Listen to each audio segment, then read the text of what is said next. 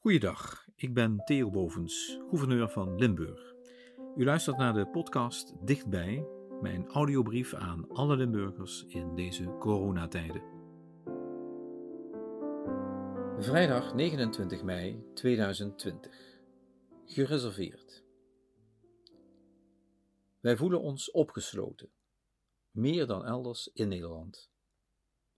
Bijna een vijfde van de Nederlanders zegt dat corona de muren op en afstuurt. Maar bij ons, Limburgers, is dat maar liefst een kwart. Waarbij we vooral het normale contact met familie en vrienden missen. Vind ik het raar dat wij hierin de lijst aanvoeren? Nee, eigenlijk niet. Als de echte zuiderlingen in ons land zijn wij nu eenmaal gewend veel meer buitenshuis te leven en jezelf dan moeten opsluiten, is dan best een grote opgave. Je zou zelfs kunnen stellen een veel grotere opgave dan voor wie gewend is meer in eigen kokon te verkeren dan de gemiddelde Limburger. Dus nee, als een onderzoek ons deze week deze cijfers presenteert, kijk ik niet echt vreemd op.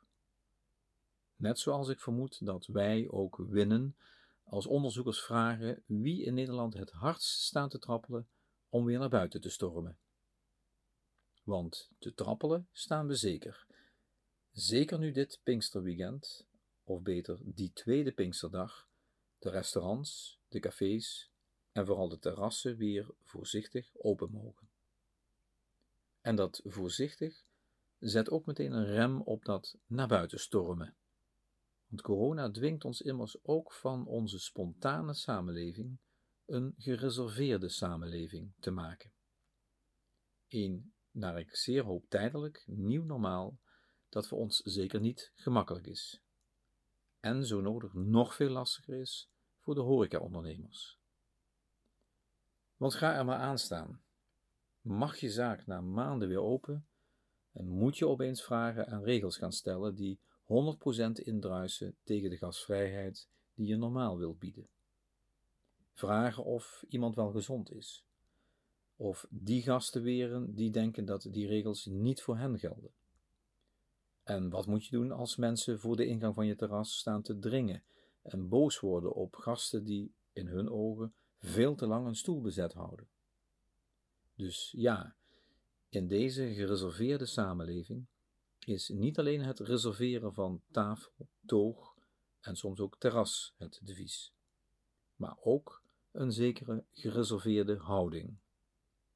Hou u een beetje in naar die horecaondernemer die zich ook maar aan die restricties heeft te houden. En hou u een beetje in naar die andere gasten. Gun elkaar het genot van genieten. Weet u nog waar Pinksteren voor staat?